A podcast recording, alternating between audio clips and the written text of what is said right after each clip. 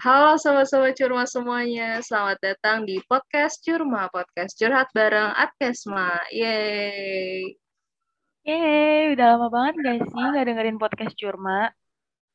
Iya nih, udah lama banget. Kangen banget sama bahasan-bahasannya.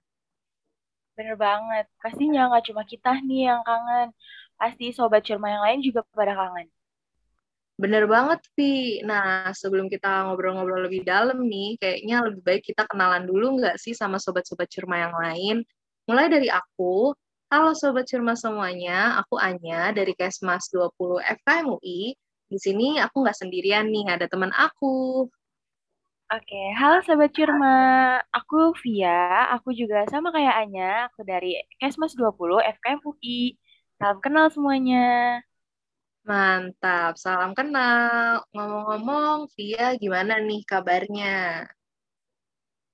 Seperti biasa sih ya, tugas banyak, terus tugasnya juga tiap hari makin nambah, terus bikin tidur makin kurang, libur juga kurang banget, pokoknya lengkap deh. Nah, kalau Anya sendiri gimana nih kabarnya?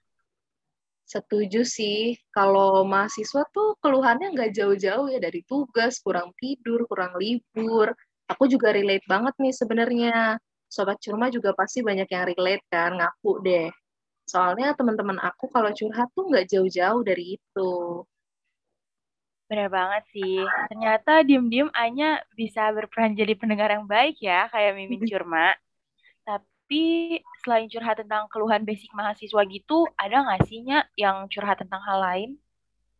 Wah, lumayan banyak sih ya sejujurnya, kayak entah tentang pacar, temen, atau kegiatan-kegiatannya, dan masih banyak lagi deh pokoknya. Kalau Via sendiri sering jadi tempat curhat nggak nih? Sering sih, tapi aku juga sering curhat ke orang lain. Apalagi kalau lagi ngerasa benar-benar sendiri atau lagi ngerasa butuh saran dari orang lain. Kalau Anya sendiri sering curhat nggak? Sering juga apalagi kalau misalnya lagi stres banget atau lagi happy banget nih dan ingin berbagi kebahagiaannya. Ah iya bener banget curhat tentang cerita sedih loh Sobat Curma. Semua emosi tuh bisa dicurhatin asal ke wadah curhat yang tepat. Iya nih, bisa ke teman, keluarga, pacar, atau bahkan buku diary. Ingat nggak sih, Vi, waktu SD atau SMP gitu ya? Kita tuh dulu zaman zamannya buku diary yang ada gemboknya itu inget nggak? I iya bener banget aku ingat. Bahkan sampai sekarang ya buku diary-nya itu masih aku simpen. Ya tapi aku lupa sih kuncinya di mana. Dan uh, pas dulu aku baca nih, jujur agak cringe ya. Bener-bener sama-sama sama banget. Aku juga pas baca-baca buku diary zaman dulu nih atau baca-baca chat sama temen aku yang lama gitu kayak cringe banget gitu. Nah, tadi kan Via bilang ya curhat itu baiknya ke wadah yang tepat. Nah, sebenarnya wadah yang tepat itu kayak gimana sih, Vi? Kayak curma nggak sih? Kalau menurut aku sih ya, yang penting tuh tempat curhat bisa jaga rahasia, terus bisa ngasih saran yang positif, terus juga bisa jadi pendengar yang baik. Wah, aku setuju banget. Ciri-cirinya sih mirip banget ya sama curma. Bener sih, mirip banget sih sama curma.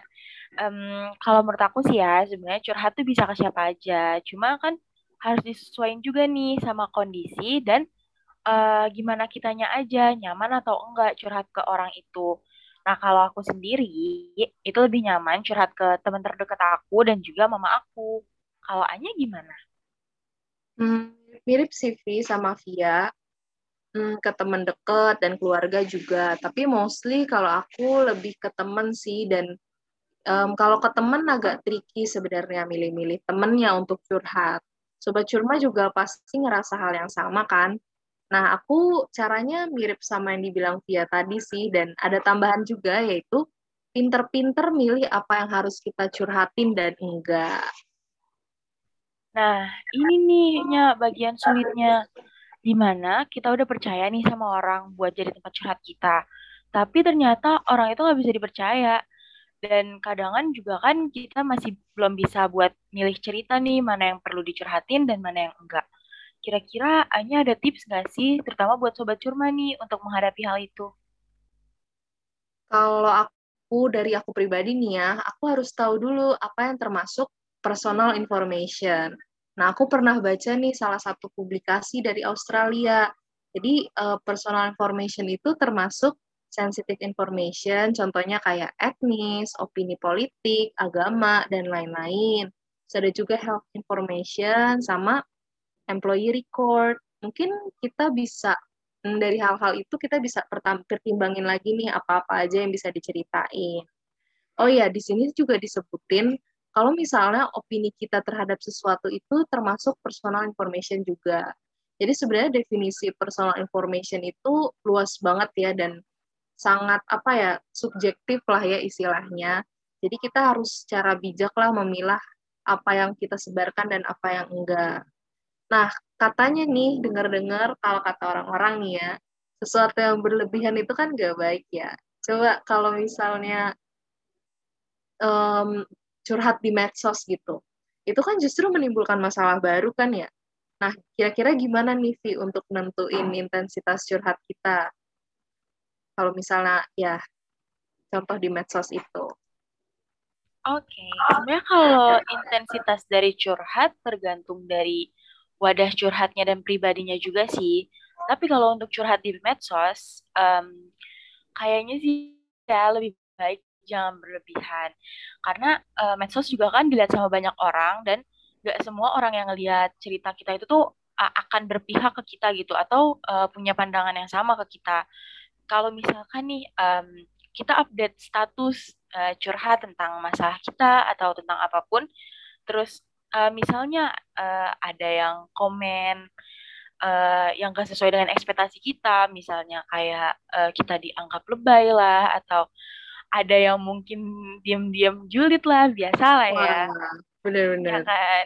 Nah, kayak itu tuh malah bikin nambah masalah kan bukan justru ngurangin beban masalah kita dan uh, malah nggak bikin lega malah jadi memperumit masalah gitu. Karena kan hmm. ya kalau misalnya kita tahu uh, kita diomongin orang atau kayak kita di komen nggak sesuai ekspektasi kita bisa jadi kepikiran, kita bisa overthinking, dan akhirnya stres sendiri gitu kan. Dan kalau misalnya udah stres kayak gitu dan kayak ngerasa uh, ini aja orang-orang pada komen kayak gini nih, dan kayak jatuhnya jadi gak apa ya ngerasa kalau orang-orang tuh gak bakal ngerti apa yang kita ceritain gitu dan akhirnya malah jadi nggak curhat ke siapa-siapa lagi gitu. Jadi menurut aku kalau misalnya untuk di medsos lebih baik intensitasnya uh, lebih sedikit sih dan gak perlu dikasih tahu keseluruhan cerita. Bener juga kata Anya tadi uh, untuk gak ngasoin informasi yang sebenarnya itu uh, personal information gitu. Nah, kalau misalnya untuk ke teman terdekat atau keluarga nih misalnya, menurut aku sih uh, lebih sering ya, apalagi ke keluarga. Karena menurut aku kalau misalnya cerita ke keluarga, kita tuh nggak akan mungkin gitu dikasih ke saran yang jerumusin atau kayak saran negatif. Oh, jadi iya. iya, jadi kayak kalau misalnya ke keluarga tuh pasti ya aman juga. Nggak mungkin keluarga kita tuh ngebuka aib kita sendiri. Gitu sih kalau menurut aku. Terus kalau misalnya nih pasti uh, ada gengsinya dong kalau cerita ke keluarga, apalagi ke mama gitu kan. Uh, mungkin bisa ke teman terdekat yang emang udah kita percaya. Nah, tapi nih kalau misalnya salah satu dari kalian nih Sobat Curma yang ngerasa gengsi curhat ke keluarga atau ngerasa misalnya kurang cocok curhat ke temen, bisa nih uh, cari wadah cerita kayak peer counselor karena sekarang udah banyak banget nih apalagi di UI. Nah, uh, salah satunya juga ada nih di FKM yaitu Curma. Nah, bener banget sih. Nggak usah segan atau takut nggak sih untuk curhat di Curma. Soalnya kerahasiaan identitasnya tuh terjamin aman. Nah, Vi, ada nggak sih dampak negatif kalau misalnya kebanyakan curhat gitu? Um, Oke, okay. uh, eh, aku pernah baca di salah satu artikel di mana uh, curhat terlalu sering juga bisa menjadi hal yang negatif karena bisa bikin kita jadi pribadi yang suka ngeluh, terus jadi kurang bersyukur, terus juga kita tuh jadi sulit uh, menemukan solusi dari permasalahan yang kita hadapin sendiri gitu. Jadi uh, kita jadi lebih sering bergantung sama solusi dari orang lain. Wah, ternyata ada juga ya dampak negatifnya.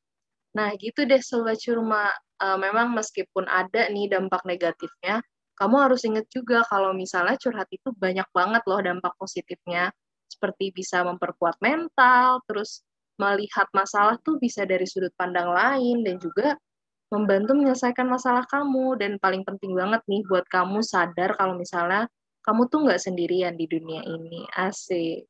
Jadi curhat tuh boleh aja, tapi jangan terlalu berlebihan ya. Setuju banget nih sama Anya. Nah, um, kalau menurut pengalaman kamu nih, Nya, uh, seberapa penting sih curhat? Kalau menurut aku pribadi, jujur penting. Curhat dan dicurhatin itu dua-duanya penting sih.